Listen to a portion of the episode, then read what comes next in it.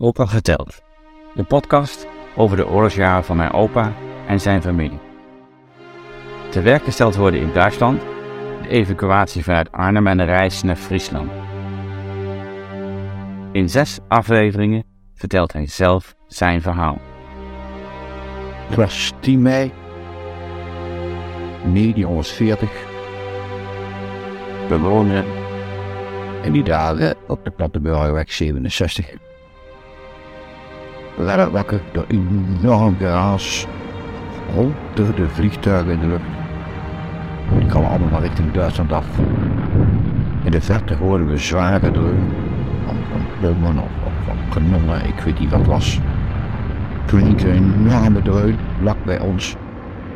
Ging de Westen-Westerborg de hoogte in. Moest uh, vlak bij ons met dag duidelijk nog een week later, ja hoor.